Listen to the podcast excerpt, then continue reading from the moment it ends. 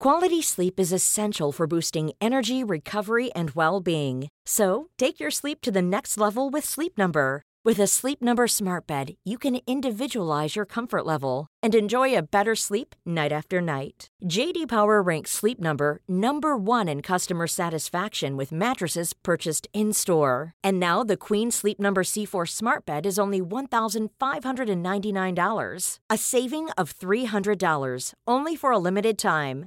For JD Power 2023 award information, visit jdpower.com/awards. Only at Sleep Number stores or sleepnumber.com. Let's pretend! Let's pretend!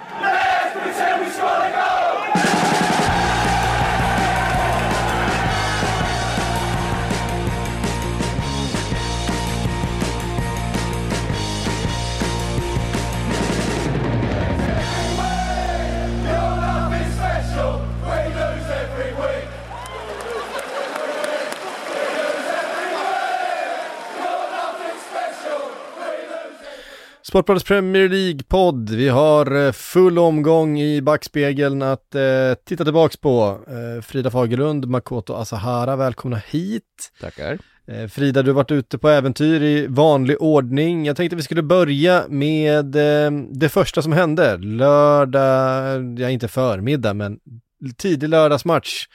Eh, Manchester City mot Arsenal.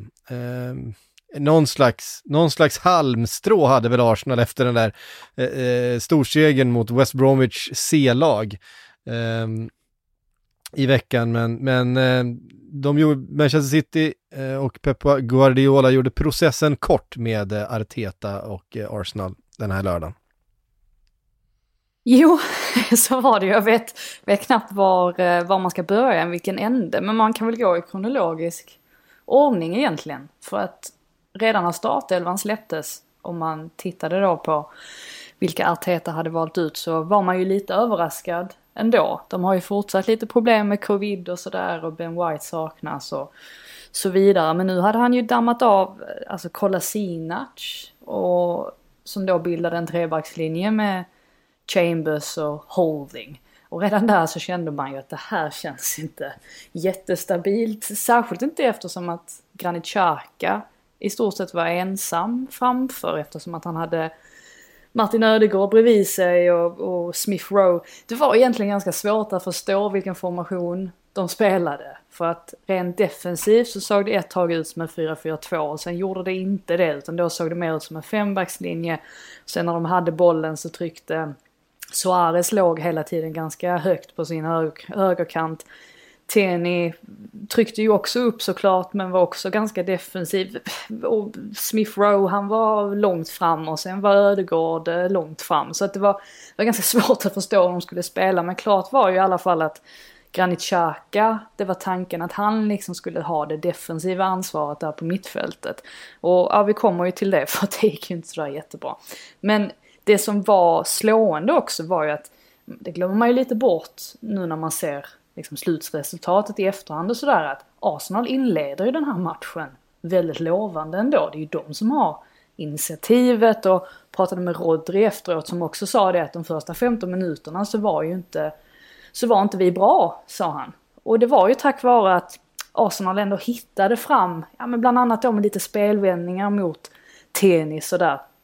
Problemet är ju bara att så blir det en spelvändning. Man City får ett läge, ja det är väl Jesus och Bernardo Silva som samarbetar lite där på högerkanten. Bollen kommer in till Gündogan, Chambers hoppar rakt upp i luften utan att vara ens i närheten av Gündogan och så står det 1-0. Och det är så vi ofta ser att det blir för Arsenal att så kommer det en liten motgång trots att de ändå har startat lovande. Att de så sällan har marginaler med sig, att de sällan är påslagna både defensivt och offensivt samtidigt.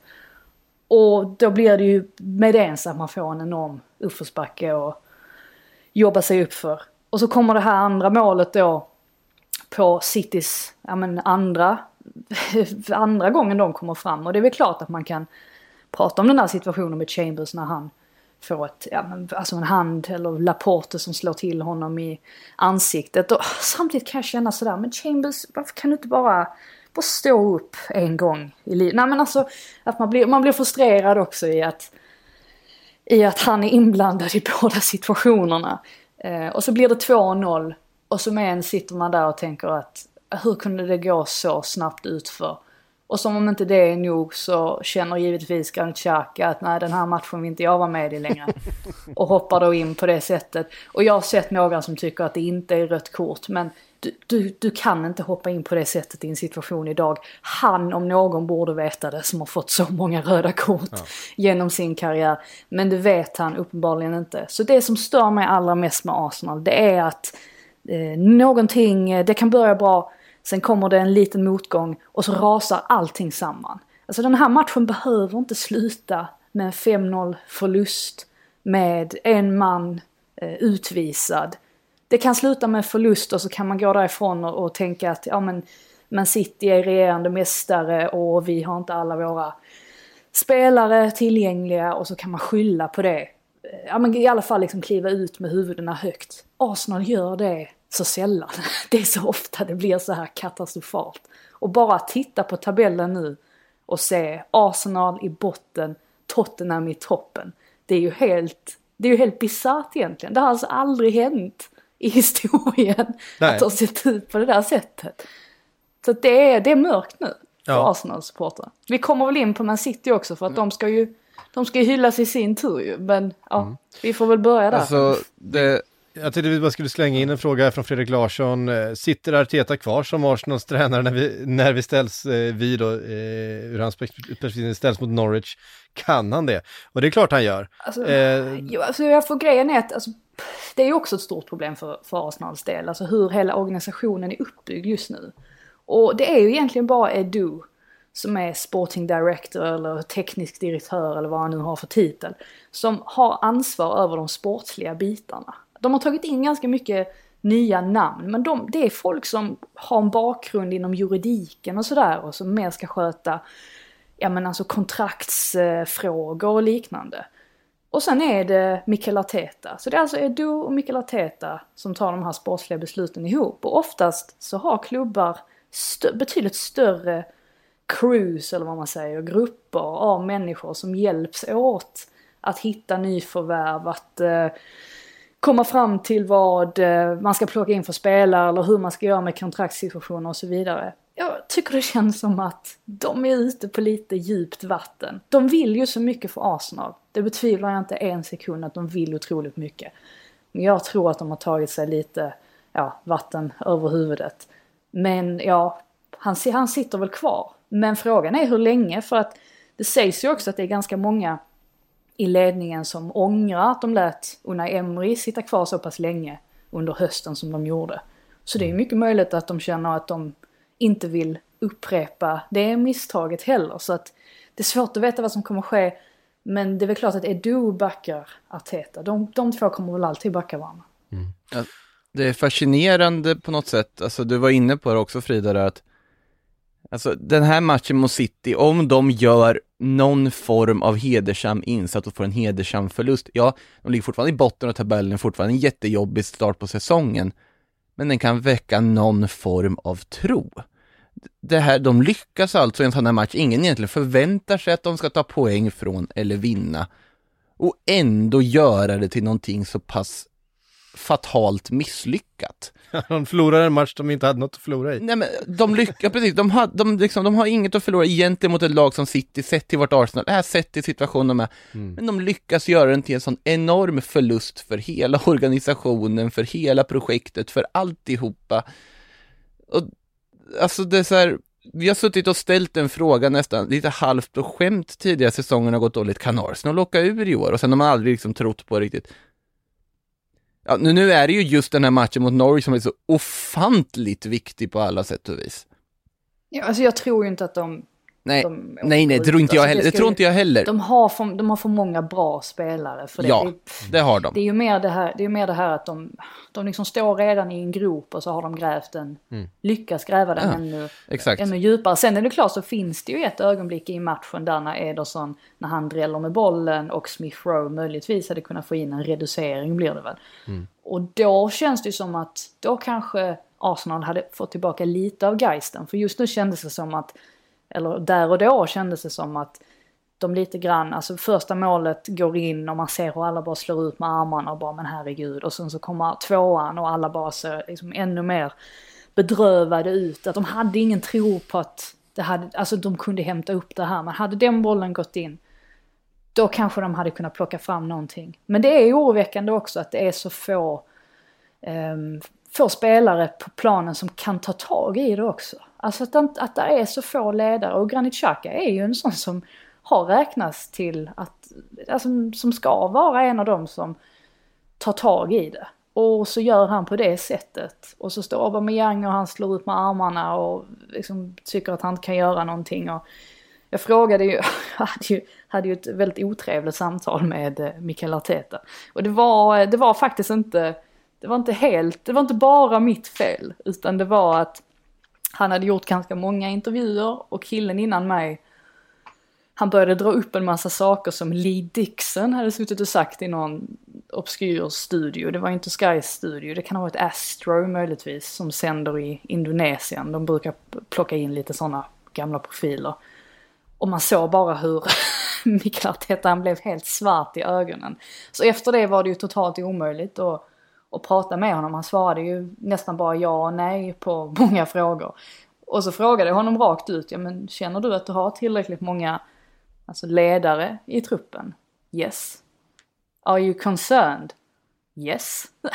det var liksom den, det var det utbytet vi hade. Uh, men jag tycker att det är det mest oroväckande för Arsenals del att de har tagit in många lovande unga spelare. Och det är lite det här anledningen som har varit att, att jag har suttit och jag har inte varit kritisk mot värvningen av Martin Ödegård, för jag tycker att Martin Ödegård är en bra spelare. Men jag har inte riktigt förstått varför Arsenal är så fokuserade på att ta in en sån typ av spelare. När jag själv har tyckt att det kanske är en annan personlighet som behöver komma in. Alltså kanske någon, ja men en, en mer, en större ledartyp. Och nu känns det som att de saknar det fortfarande.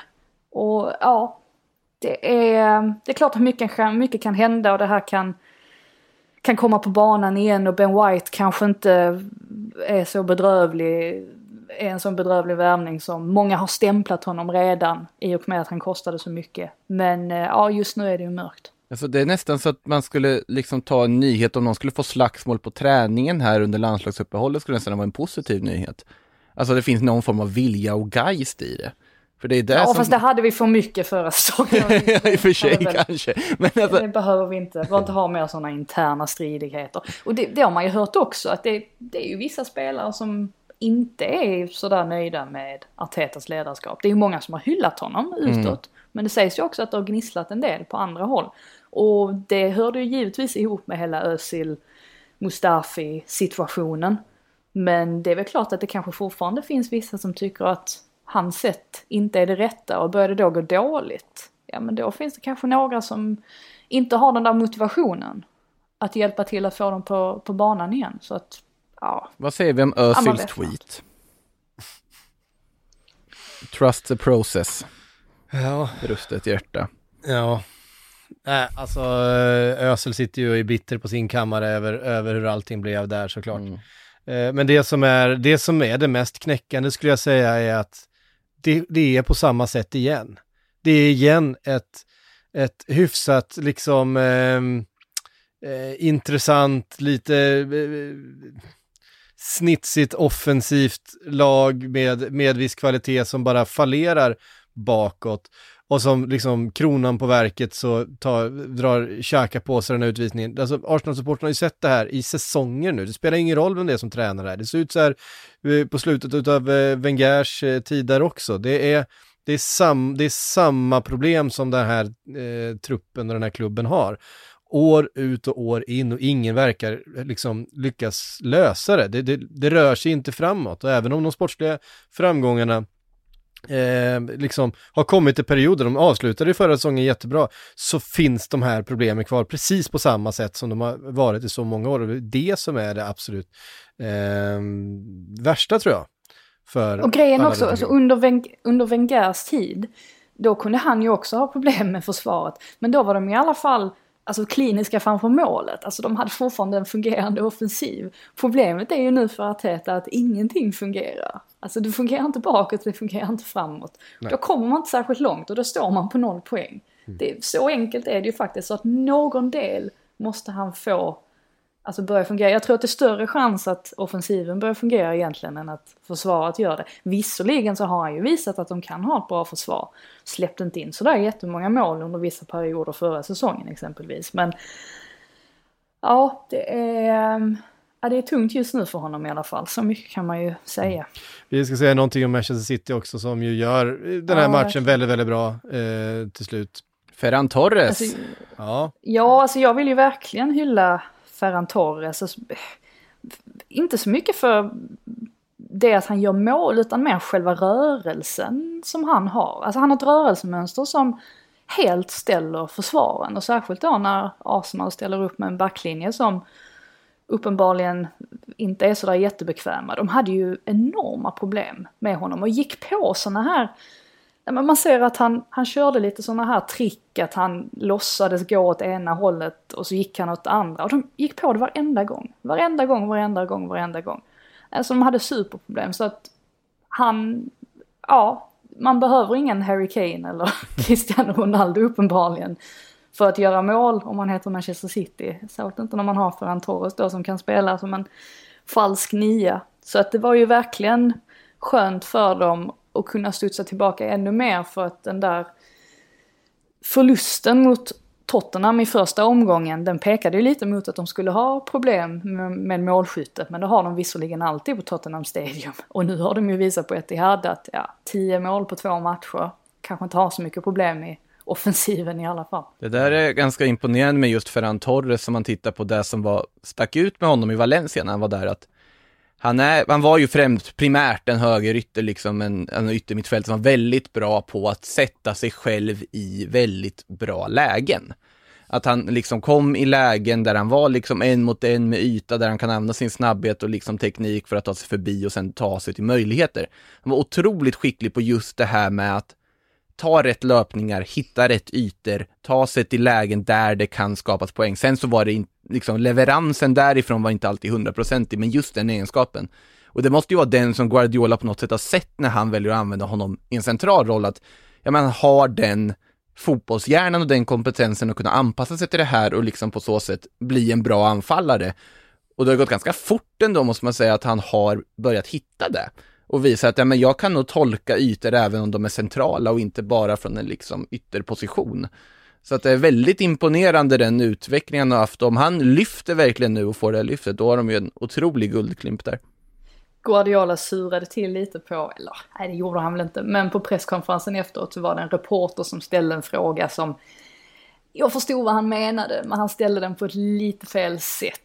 Alltså han påstod att ah, Ferran Torres hade inte, hade inte en sån där jättebra säsong förra året. Tror du att den här säsongen tror att han kan få sitt stora lyft nu? Och tittar man tillbaka så, ja det är väl klart att det tog ett litet tag innan Torres kom in, alltså ens fick, fick speltid egentligen.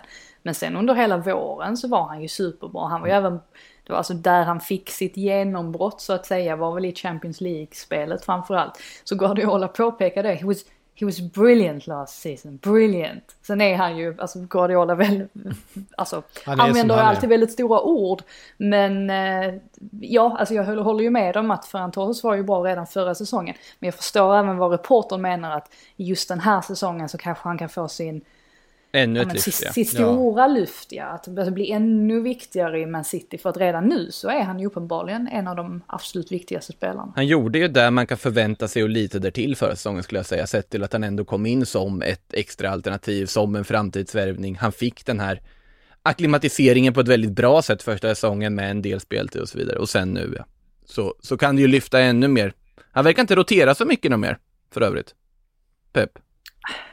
Eller det kommer, Nej, det, kommer, det kommer, det det kommer. kommer. Det jag är mest intresserad, jag, jag tror lite grann också att han vill nog få igång Grealish till exempel. Att det är därför Mm. han får spela så mycket. Han syntes ju, han var ju inte jätteinvolverad i den här matchen. Ehm, Det var ju det mesta av spelet förekom ju på högerkanten och Gabriel Jesus håller ju på att få en sån där jättesäsong han också.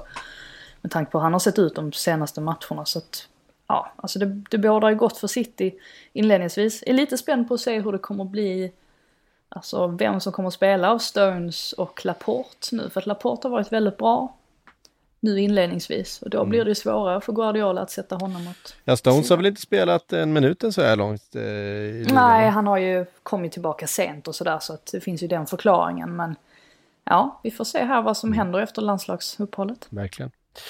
Ja, vi lämnar den eh, matchen där då, och går vidare till eh, Liverpool-Chelsea. Fullpackat på Anfield, högt tryck, eh, två titelkandidater som rök ihop verkligen. Det var eh, enormt tempo och väldigt, väldigt hög kvalitet, framförallt under eh, första 45 minuterna, så länge det var två fulla manskap som ställdes mot varann. Eh, Frida, är det den bästa, bästa halvleken så här långt i, i Premier League? Ja, den var, den var händelserik om inte, om inte annat. Och det är klart att mycket av ljuset läggs ju på det här domslutet och framförallt ut, utvisningen på James. Och som objektiv åskådare så blir man ju förbannad på ett sånt beslut för att när det är en så bra fotbollsmatch mellan så pass bra lag och nästan så att man känner att den här, det här kan ju påverka toppstriden redan nu, alltså hur tabellen kommer att sluta framåt våren. Alltså så viktigt kändes det här mötet. Och när det då kommer ett sånt rött kort så blir man ju lite bedrövad och känner att ah, varför, varför måste du förstöra den här matchen? Men enligt regelverket verkar det ju som att det ska vara rött kort, men jag kan ju tycka att det är väldigt, väldigt hårt, särskilt eftersom att bollen vill uppenbarligen ta på James lår innan den studsar upp också på handen. Så att, ja, det var väldigt, väldigt tufft för, för Chelsea i alla fall att få den mot sig. Mm. Alltså är det inte nästan läge, även om det bryter mot liksom fotbollens grundregelverk och essens att kunna ge mål när en boll inte har ramlat in i ett mål. Att i sådana lägen bara göra om regeln till, för att alltså, om, om det bara blir en straff, ja då kommer ju folk bara liksom volleybollspela på linjen liksom. Men att bara säga att ja, men om du stoppar en boll som är på väg mot mål med en hand, så är det ett mål.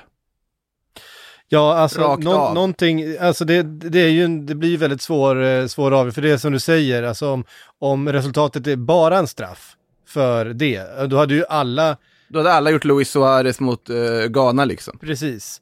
Eh, samtidigt, just det här fallet blir ju lite speciellt med tanke på att det är inte kanske en, en helt medveten, han gör ju inte en Luis Jag tycker inte Suarez han mot... ser ut att göra det medvetet. Nej, Alltså, Jag tycker ändå inte det spelar någon roll om det är en hand som stoppar liksom. Alltså, alltså handen rör sig ju i riktning mot bollen och då är det så här, Ja. var, vart ska man, man kan inte läsa en spelares tankar. Nej, exakt. Var, vart går gränsen? Det blir, det blir väldigt, väldigt eh, luddig avgränsning. I just det här fallet så är det ju uppenbart att det blir en väldigt, väldigt hård och för hård i vad man kan tycka då eh, bestraffning på just det här. Alltså den här dubbelbestraffningen med, med straff och rött kort är, är ju väldigt tuff. Eh, men det är svårt att skriva den regeln på, på något annat sätt faktiskt, eh, som du är inne på.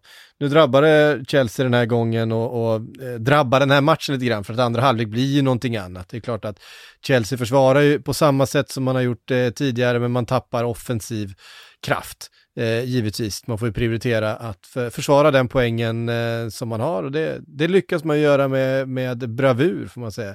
Liverpool kom inte till speciellt många avslut eh, under den andra halvleken. Det är, det är några halvchanser, eh, men inte sådär jättemycket mer, även om de eh, försökte, var försökte, försökte. Tyckte det var intressant att Klopp lät så dömande också när han sa oh, they had nine men behind the ball. Och man bara jo fast... Ja, vad skulle de göra då? De, de möter Liverpool borta. Ja, Alltså det, och i deras läge, att få en poäng då från att ha spelat en man mindre mot ett av seriens bästa lag på bortaplan under en hel halvlek. Såklart de firar vid slutsignal, de ska vara jättenöjda med vad de de gjorde gör. i andra halvlek. Alltså det, det, Nej, jag, så som jag, den intervjun jag lyssnade på Klopp så menar han att det gör ingen skillnad om de är 10 eller 11 man på plan i det här läget. Det gör det inte lättare för oss att göra mål därför att de kommer bara Nej, försvara. Absolut, det var ju så han menade. Ja. Det var bara det lät lite roligt när han... Ja. När han Eh, inledde med att säga Man så. kan inte förvänta sig att man ska liksom eh, ösa in mål för att motståndaren har en man, man mindre därför att defensivt så blir det ingen, så blir det inget numerärt övertag utan det, det som händer är att du riskerar lite mindre själv för att eh, det är ju eh, anfallsspelet som blir mest lidande. Sen är de ju, alltså Chelseas backlinje där med, alltså Rydiger, Christensen, Aspilicueta, jag tycker att alla gör en jätteinsats. Ja. Och Jorginho också. Som är smart, tar, får med sig de här frisparkarna som man behöver för att kunna få andas. Nej, alltså försvarsmässigt så är ju detta ett, alltså så otroligt stabilt lag. Och eh, ja, det, det är ju märkligt det där, trots att de att det blir en motgång här för dem. Alltså man gör då jämför med Arsenal. Det låg ju Arsenal visserligen under med 0-2 när Granit Xhaka blir utvisad. Men här så blir det, ja, och så leder ju Chelsea när James blir utvisad. Men det finns ändå lite den här parallellen man kan dra att Chelsea ändå går ihop som ett lag på något sätt och ändå har tillräckligt mycket självförtroende för att veta att men vi kan stå emot det här tillsammans. Arsenal har ju inte det självförtroendet överhuvudtaget. Så jag tror väl nästan att Chelsea kan få med sig någonting bra, alltså någonting gott ur den här matchen mer än den där enpoängaren. Att de faktiskt klarar av att stå upp mot ett av de absolut bä- bästa lagen med en man mindre. Det är, det är säkert någonting man, alltså rent psykologiskt kan ta med sig vidare in i säsongen. Att de känner sig oerhört starka just nu. Men det är ju det att de har också ledare på planen verkligen liksom, alltså det Cesar Aspilicueta sysslar med under de sista minuterna. När han liksom, folk ska ta någon som gnällig, lite osportslig liksom där. Men det är helt rätt i det här läget. Han sätter ju sig liksom under skinnet på Liverpool-spelarna. Han är en vinnare. Rydiger är ju inte bättre liksom. Nej precis, ja, men, ja, men det är ju är vinnare. Det är ju vinnare, det är re- en rakt Måste av vinnare. fruktansvärd att spela mot. Alltså, det, Herregud, ja. ja.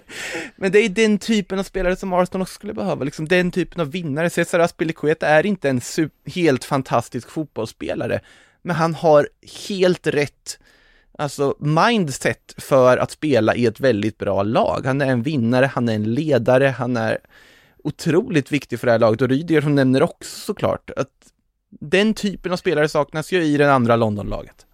Och det, ja, det, jag är imponerad av det Chelsea Det är, lite, gör. det är lite trist ändå för att det hade varit kul att se, ja som sagt, 11 mot 11 matchen ut. Det hade kunnat bli riktigt roligt ju. för att Lukaku, det var ju några gånger Lukaku vände upp där och Matip liksom, han, jag vet inte var han, han flög åt ena hållet, Lukaku liksom kom, kom loss och, och kom runt och sådär. Det, det blev ju inte mycket av den varan såklart i andra halvleken där. Nej. Ehm, säga någonting om Harvey Elliott som kliver in här, får 90 minuter, petar både Keita och Thiago från start i den här högprofilmatchen. Ehm, vad säger vi om hans insats? Ja, vad säger du om hans insats framförallt? Ja, ja, han, han är ju fantastisk. nu, nu är ni, nu är, ja, jag ser, jag är ser en ni- liten tår i ögat här, iväg. där borta. Nej, jag. tycker, jag, jag tycker det är, han är otroligt häftig att se med tanke på att han är, han är född 2003. Ehm, han spelar, och det som är så märkligt, en spelare som är 20, född 2003 spelar ju som att han har gjort det här i flera år och sen så kommer man ihåg att han har ju faktiskt gjort det. Han gjorde sin debut för, för tre år sedan eh, i, i Premier League, då för Fulham. Så att det är ju inte en, det är inte en vanlig 18-åring. Det är ju faktiskt en 18-åring som har eh, två fulla säsonger elit, eh, alltså seniorfotboll i sig och hade ett jättefint lån då i Championship förra säsongen som definitivt tuffade till honom. Han hade lite av de där tendenserna att hålla lite för länge i bollen, stå och titta upp lite för mycket. Jag kan säga det är någonting som man blir av med i Championship, för där, där får man inte stå och hålla i bollen speciellt länge utan att bli, eh, bli manglad. Eh, och ja, jag är otroligt imponerad och, och det är rätt häftigt faktiskt hur han, hur han har klivit rätt in i, eh, i det här laget och vilket förtroende han har fått från eh, Jürgen Klopp. Sen behöver du ju inte nämna 18-åring och 2003 i samma mening. Alltså det, man, man får ju lite panik ändå där. Så jag tänker, alltså så här, en annan spelare i Liverpool man borde lyfta som inte är 18 år utan de- desto äldre är ju Joel Matip. Alltså, Ja, ja, det är ju den där situationen när han blir bort, eh, bortvänd utav Lukaku, men i övrigt så har ju hans... Spelar ju upp sig i andra Mm. halvlek ju, men det, ja. Ja, men eh, de här tre första matcherna från, eh, från Matip har ju varit i stort sett felfri. Eh, jag tycker han är en, en eh, han är ju inte snabb, Men han är smart. Det är väldigt sällan som han hamnar så pass mycket på efterkälken på grund av sin eh, liksom långsamma löpning. Att han är, han är otroligt påslagen och väldigt smart. Eh, underskattad eh, mittback skulle jag säga. Och van Dijk verkar ju fortfarande hålla en väldigt hög nivå om vi säger så efter skadan. De första två matcherna kanske inte gav någon jättestort prov. Men här när han ställs mot liksom Romelu Lukaku, han, han håller ju jämna steg med honom. Och det ja. säger ju en del om att han är tillbaka liksom efter den här skadan och fortfarande är en fruktansvärt bra mittback också. Ja, och där, där tror jag också det var rätt tacksamt för just van Dijk, för att det där spelet, att kunna mm. stå och vinna dueller mot en stor stark eh, forward, det är ju någonting som, som han kan. Det som blir det stora utmaningen är, har han behållit sin snabbhet efter den här skadan? Och det eh, ställer sig inte på några jätteprov på i just den här matchen. um, men det är väl den, det är väl den stora, det, det frågetecknet som, som finns kvar runt eh, van Dijk. Men ja, eh, fysiskt så är han ju eh, lika stor och stark som, som någon annan fotbollsspelare i, i, i världen. Så är det ju. 1-1 eh, i alla fall och uh, juryn är fortfarande ute då om vem som ska ta kommandot i, uh, utav de här förmodade topplagen i, i tabellen. Um, för det handlar ju om Manchester City, Liverpool, Chelsea och Manchester United är de flestas tips, även om uh, Tottenham leder, Tottenham, ja. mm. leder just nu då efter, efter tre omgångar. Manchester United som vann med 0-1 borta mot Wolverhampton, men Eh, det var kanske inte helt välförtjänt. du tycker inte det? Nej, jag tycker inte det var helt välförtjänt. Nej, det var... Um, alltså Bruno Lars, han har ju ändå fått ordning på Wolves, får man säga. De spelar ju betydligt bättre fotboll den här säsongen jämfört med förra under Nuno.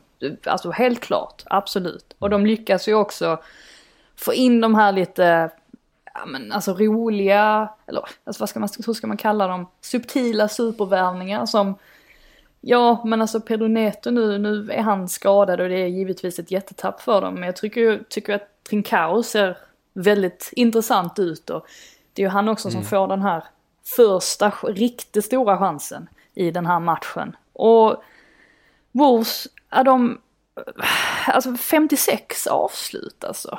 Eh, på de tre senaste matcherna. 56. Och tre, förlust, tre förluster. Och, ja, alltså 56 var siffran som Sky Ja, på, levererade. på, tre matcher, men det är ju helt... Ja, och sen, Adama Traoré på 108 dribblingar samtidigt. ja, men, men 56. Sen så finns det, ja men tittar man på flashscore så räknar de på ett lite annat sätt. Så att då ligger det bara, bara på, vad var det, 33 eller någonting sånt. Mm. Så att det beror lite på vilken statstjänst du kollar på. Men oavsett eh, om det är 33 eller 56 avslut så säger det ju ganska mycket om Wolves start här. Att de har ändå rätt så många bitar på plats, kommer fram till sista tredjedelen, men väl där så tar det helt stopp. Och jag nämnde Adama Traoré där.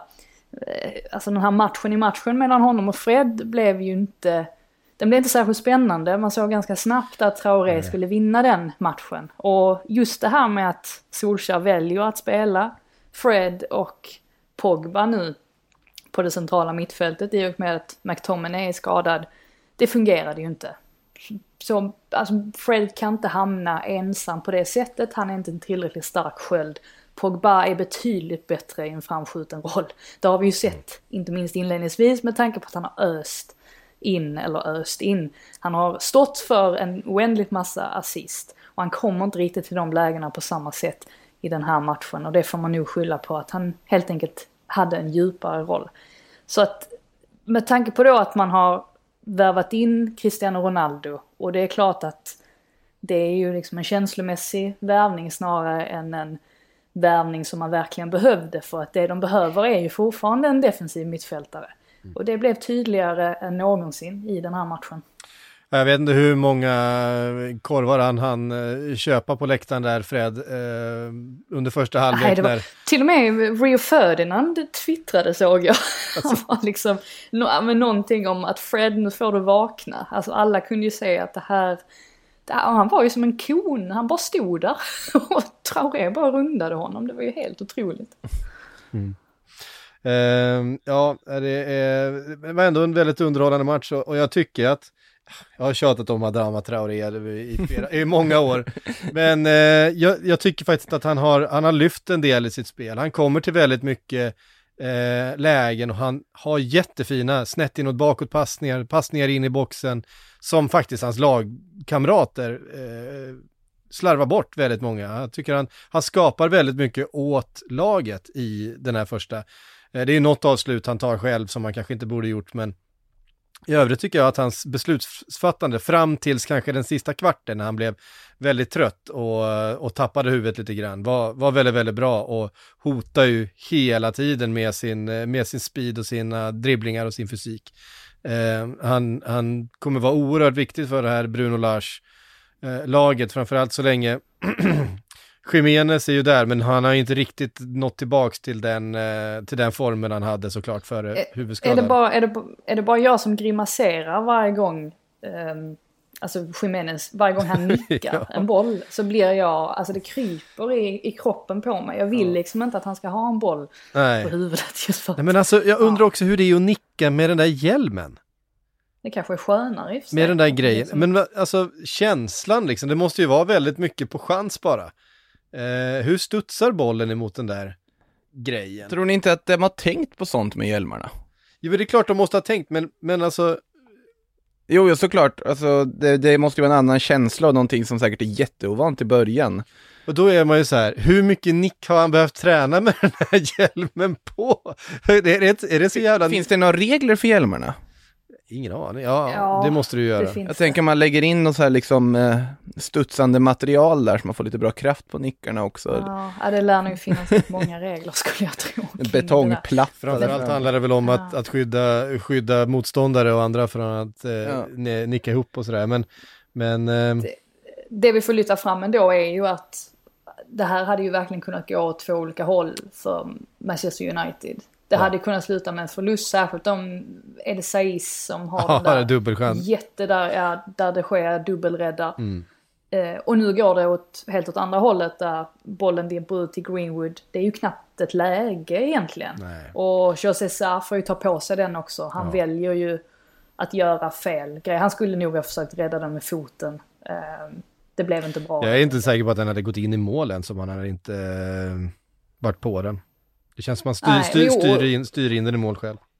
Och oavsett så får United med sig då tre poäng här och mm.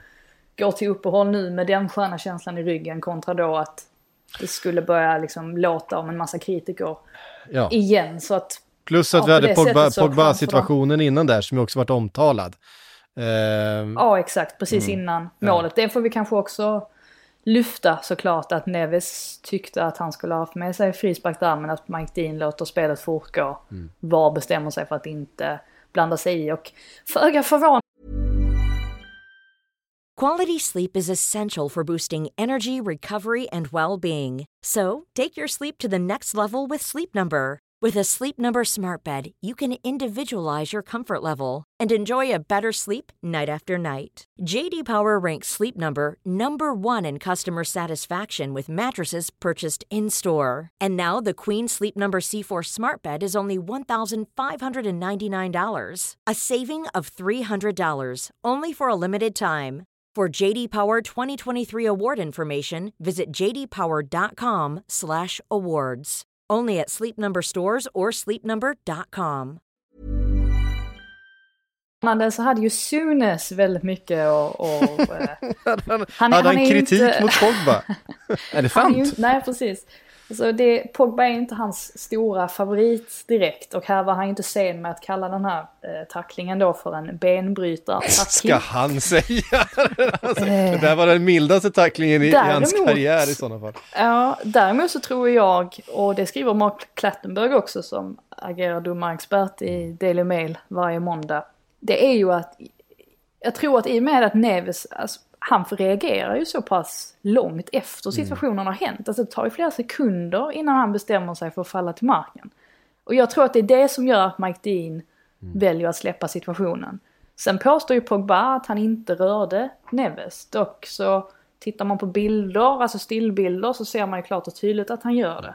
Så jag vet inte om det är att han själv inte känner att han inte gör det, så eller om han ljuger rakt in i kameran. Jag tyckte inte att det såg så illa ut, alltså när, när man fick se själva, själva händelsen i realtid. Alltså inte Nej. ens på de reprisbilderna tyckte jag det såg så illa ut. Däremot är det klart att en stillbild är ju annorlunda. Då, då får man en annan, Ja, alltså då, då ser man situa- situationen på ett helt annat sätt. Ne- Men Neves, ja, eh, flesta rullar ju ner strumpan där också och visar eh, dobbmärket för Mike Dean efteråt. Men Mike Dean är inte någon som, eh, som faller för sådana eh, för såna grejer. Han har varit med förr. Ja, jag tycker Ja, Mike, men det är väl helt enkelt att Neves att han, han reagerar för sent helt enkelt. För att det ska Ja. ge någonting. Jag tror att det är det som är problemet i det här fallet.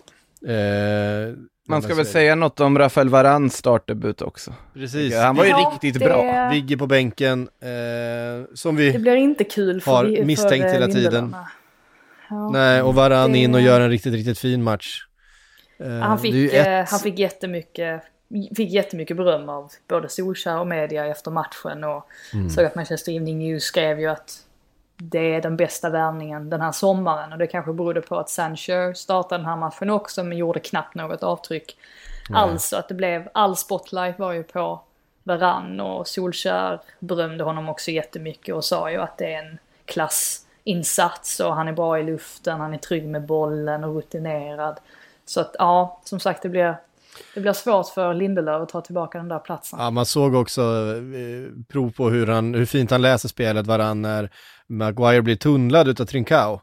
Eh, och eh, Varann är direkt där nere och faller ner med sin eh, snabb som han är, liksom rapp i första stegen är ner och, och blockar det inspelet direkt från eh, Trincao som ju hade varit helt ren. Eh, och det, det sådana detaljer som man kanske inte alltid tänker på men som är så oerhört viktigt. Det är liksom en, en halv sekunds eh, sämre reaktionsförmåga, eh, sämre förmåga att läsa spelet så, så hade det mycket väl kunnat vara 1-0 till Wolves där. Istället så blir det typ ingenting. Eh, en halv chans Det är ju bara situationen där med Saiz som är det enda man kan liksom peka ut som någonting Ja. där Varann kanske kunde ha gjort det bättre. Och det- Men i övrigt så var han ju jättestabil. Ja, och det kanske är väl någonting som han också kommer få märka att det, det, det, det är mer och det är tuffare spel vid fasta situationer inne i boxen eh, än vad det är i Spanien. Vi såg ju eh, eh, Thiago Silva reagera på det när han hade precis flyttat från PSG, att han var inte beredd på att det skulle vara eh, så tufft och så eh, den typen av eh, spel i boxen eh, på luftbollar. Samtidigt, det var ju knappast Vigges, är ju knappast Vigges styrka heller, så det är inte så att Manchester United blir av med en stor dominant kraft i, eh, i huvudspelet centralt. Där är det ju Maguire, det är ju hans absoluta styrka. Eh, Där, alltså det, Varann kommer ju få vänja sig vid att inte behöva liksom agera i ett försvar där han har kollegor som väldigt gärna är i motsatt straffområde istället i anfall. alltså han ju- det här är ju alltså en spelare som i väldigt, väldigt många år har spelat med Marcelo, Carvajal, Sergio Ramos. Nu är Sergio Ramos har varit räddaren i nöden jätteofta i Madrid också, men det är också en spelare som väldigt gärna tar några kliv uppåt, om vi säger så, och är uppe i offensivt straffområde och laborerar istället. Och Marcelo, han i sina bästa han stunder, vet slutade inte han var spela försvarsspel 2013. han slutar spela försvarsspel när det blir populärt och slutar spela försvarsspel liksom. Och Carvajal är ju lite detsamma ibland. Alltså Varann är ju van vid att behöva rädda upp situationer, för det var ju egentligen det som är uppdraget för en mittback i Real Madrid, det är att kunna rädd, rädda lägen när det kommer omställningar för att ha så mycket spelövertag. Och det kommer ju vara lite annat här på att, alltså du sätts inte i samma samma liksom utsatta lägen som Premier League mittback i en toppklubb där du måste liksom akta dig för kontringar när det kommer väldigt många spelare mot färre spelare, som man behöver göra i Spanien och vara väldigt skicklig på. Så att det ska bli intressant att se hur han anpassar sig. Det första tecknet här är ju väldigt lovande i alla fall för, för Varans Premier League-akklimatisering. Ja, verkligen.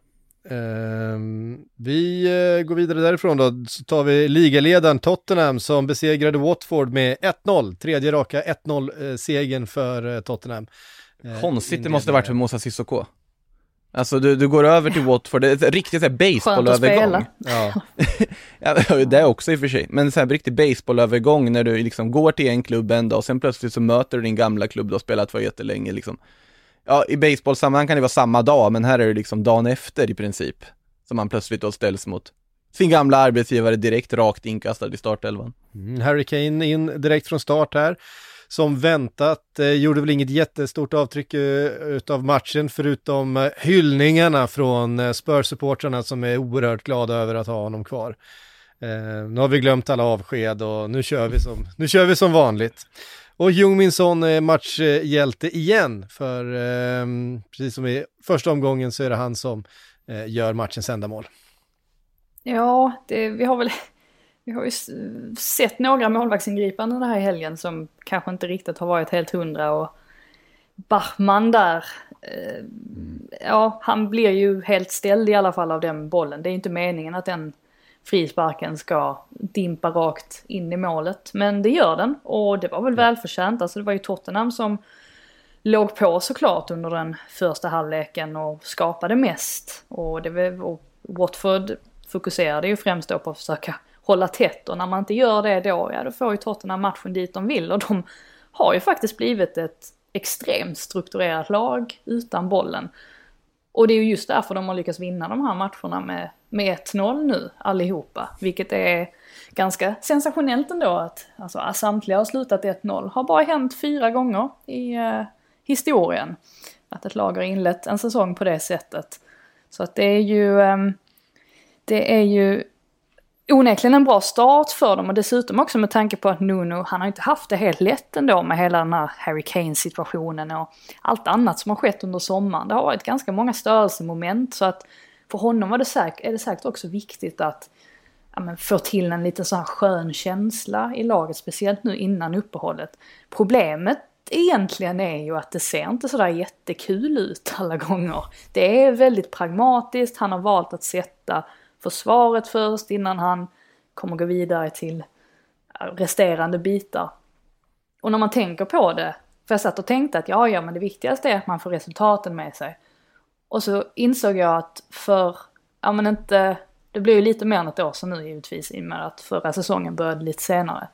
Men så satt man ju faktiskt och tänkte samma sak om Mourinho också när de började få resultatet med sig men det kanske inte såg så kul ut uh, att titta på. Så tänkte man att ja, men det viktigaste är att få resultaten med sig. Så man kanske ska vara lite försiktig ändå med att dra för höga växlar av det här.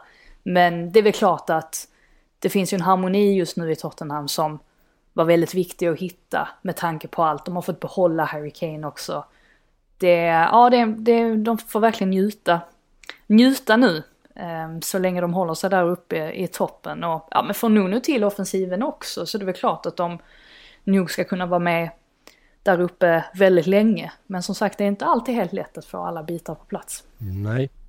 Eh, Watford som ju inlett ganska pikt eh, annars den här eh, säsongen. Eh, ja. Mycket snack om Ismail Azar bland annat. Eh, premiären var väl bra ja, men... premiären var bra, det kanske är den. Eh, det, det, räcker väl med för att anse att man har inlett pikt som en nykomling typ. Alltså att vinna en match egentligen de första tre så känns det som att man har gjort mer än vad som väntas. Jo, men jag har, jag har ju inte fått några mail efter premiären från Watford supportrar som påpekar att jag la dem sist i tabellen, om man säger så. Watford supportern menar du? Watford supporter. det har varit en person. Eh, konstaterar också att Ken Sema var petad i den här matchen jämfört med eh, förra veckan då.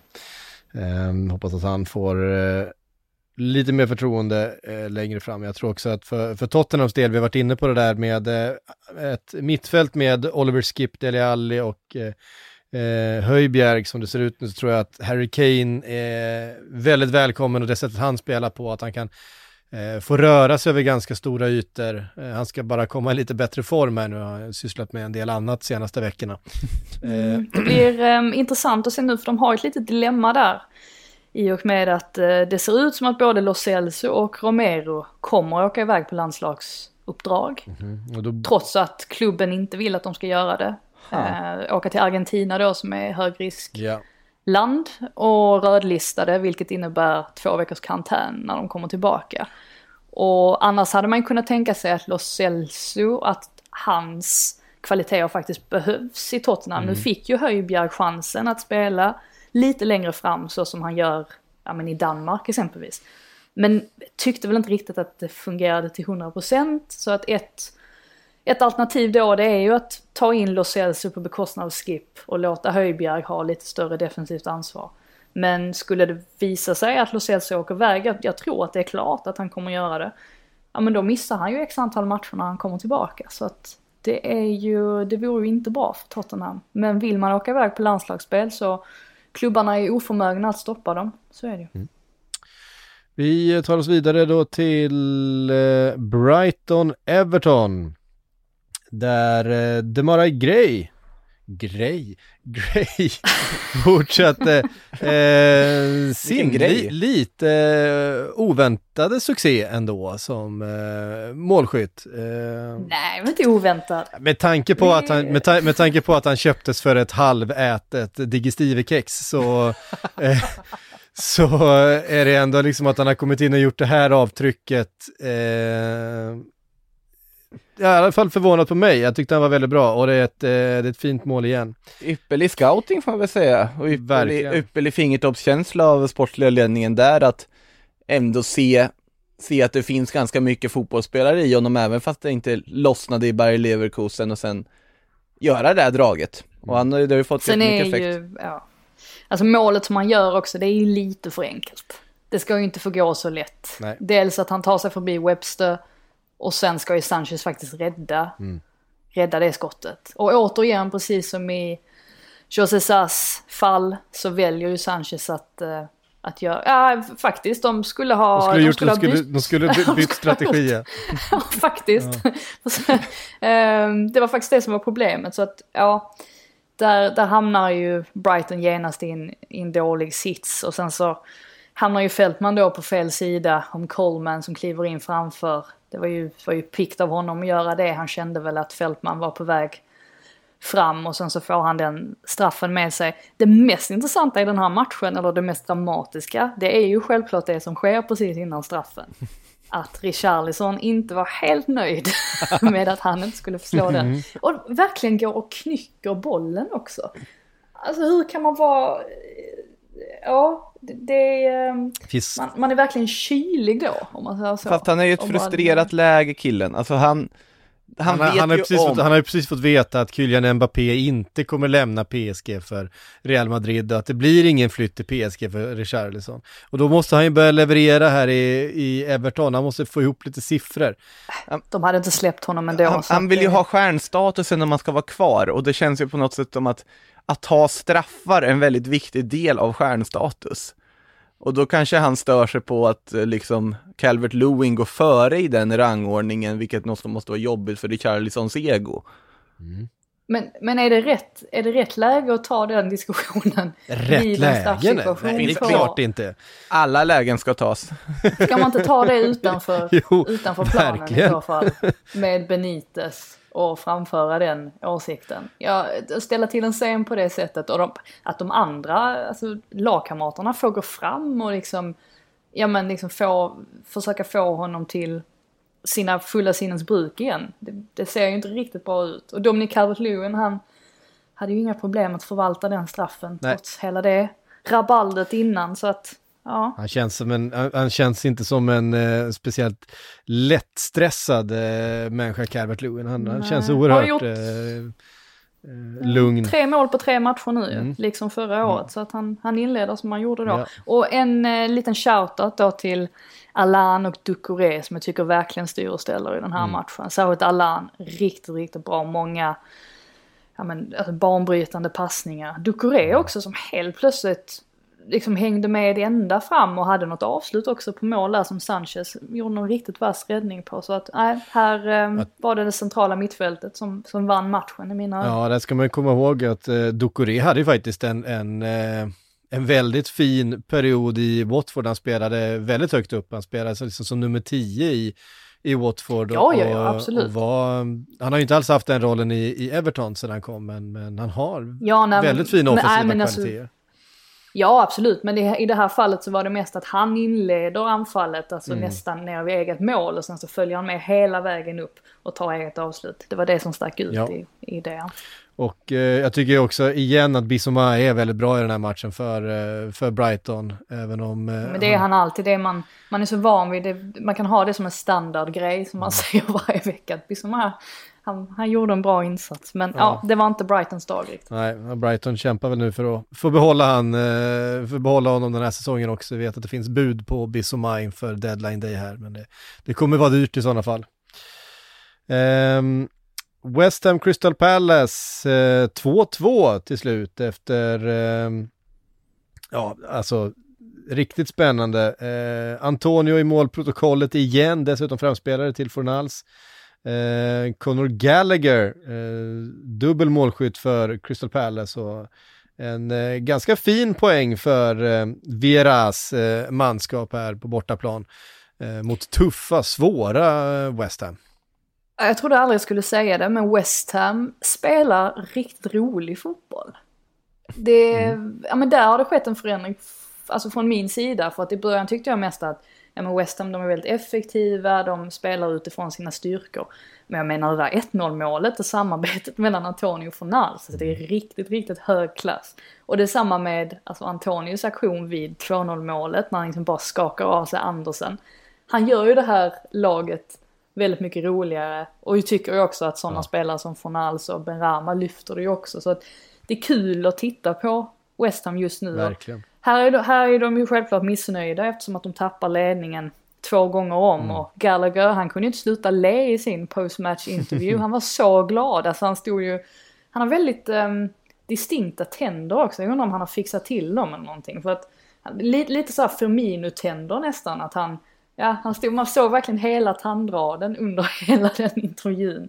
Och han gillar ju uppenbarligen trånga, trånga utrymmen. För det är så han gör båda de där målen. Och han är ju väldigt allround också. Alltså han är ju både lite djupare och vinner bollar, han dyker upp i straffområdet. Så att han kommer säkert bli oerhört viktig för Crystal Palace. Och ja, det var ju viktigt för dem att få med sig något poäng här. Men framförallt att spräcka målnollan. De var ju lite samma sits som Wolves där. Så att nu är väl de på banan igen. Ja.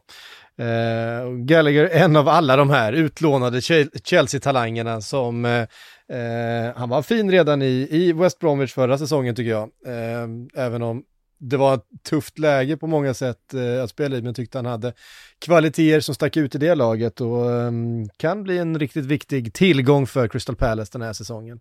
Måste hoppa vi tillbaka till Fornals lite på tal om tillgångar där också. Man har ju pratat mycket om att de måste lösa Jesse Lingard innan liksom fönstret stänger här, att det hade varit väldigt bra för dem. Fornals i central roll, så börjar vi få se lite mer av den Fornal som man tänk, såg i La Liga. Alltså det är ju en, det är ju en magiker med bollen. Han gör ju otroligt mycket så YouTube-kompatibla grejer, otroligt tekniskt skicklig. Det är kul att se att han har börjat få den här utväxlingen lite mer också. Han fick ju plats i Luis Enriques spanska landslagstrupp här också till landslagsuppehållet, inte för att det egentligen är någon kvalitetsindikator med tanke på att Abel Ruiz togs ut också. Men ändå, så han har lyft också när det behövs för West Ham och då, då blir det underhållande när Fornalse är på humör. Mm. Vi eh, eh, går vidare därifrån och ska vi säga någonting om Norwich-Leicester. Eh, Norwich fick eh, åtminstone göra mål genom en straff eh, av Timo Pukki, men Mark Albrighton eh, släckte eh, hoppet i den 76 minuten.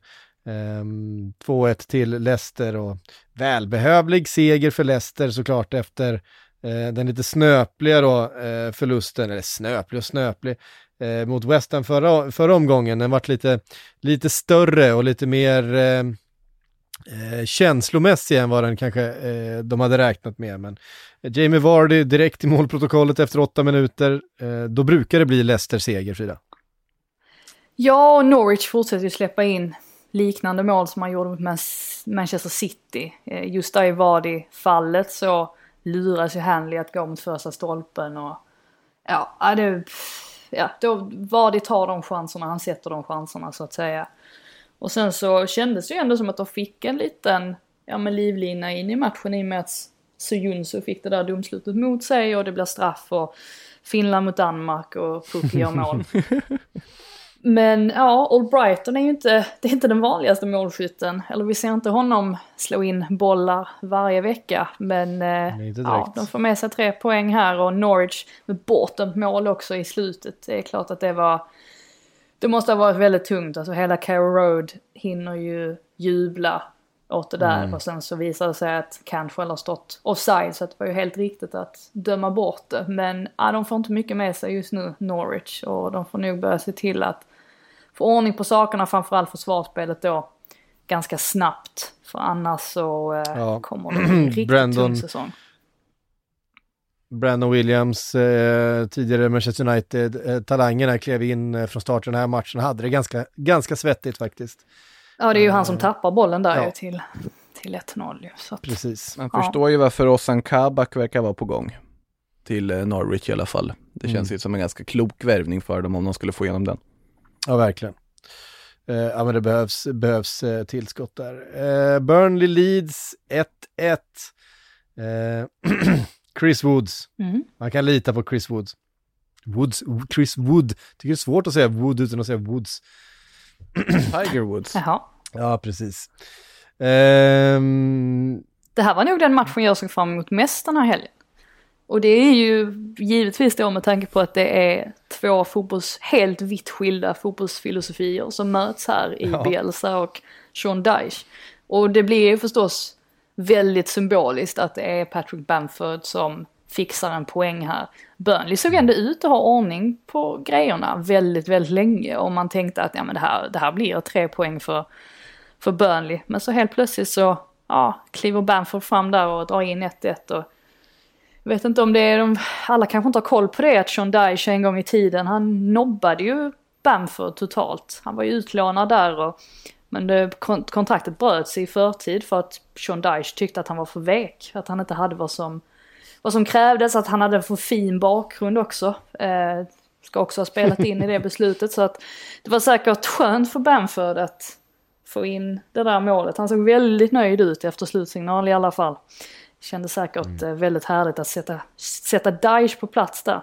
Viktigt för Leeds också, såklart. De har ju två poäng nu efter tre omgångar. Det hade ju sett bättre, eller det ser ju bättre ut med två poäng än, än en poäng. Det är såklart. ja, verkligen. Alltså 3-3-3-1.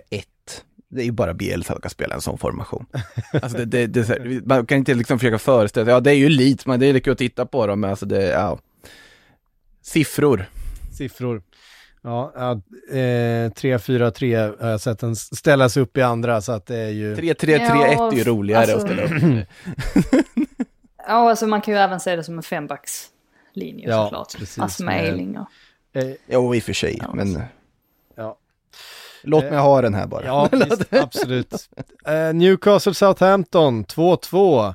Eh, händelserikt och eh, var det 90 plus 6? James Ward-Prowse Ja. slår in den straffen för att eh, jämna ut match. matchen. Det är väl det absolut sista som händer efter att eh, Sam Maximan gjorde mål då också i, eh, i, på stopptid. Väldigt eh, tungt för Newcastle såklart att inte behålla fokuset fullt ut efter att ha firat St. Maximans mål så mycket och sen så Lasells då som ja, kastar sig framåt. Armstrong är det väl. Det är ju, det är ju en given straff.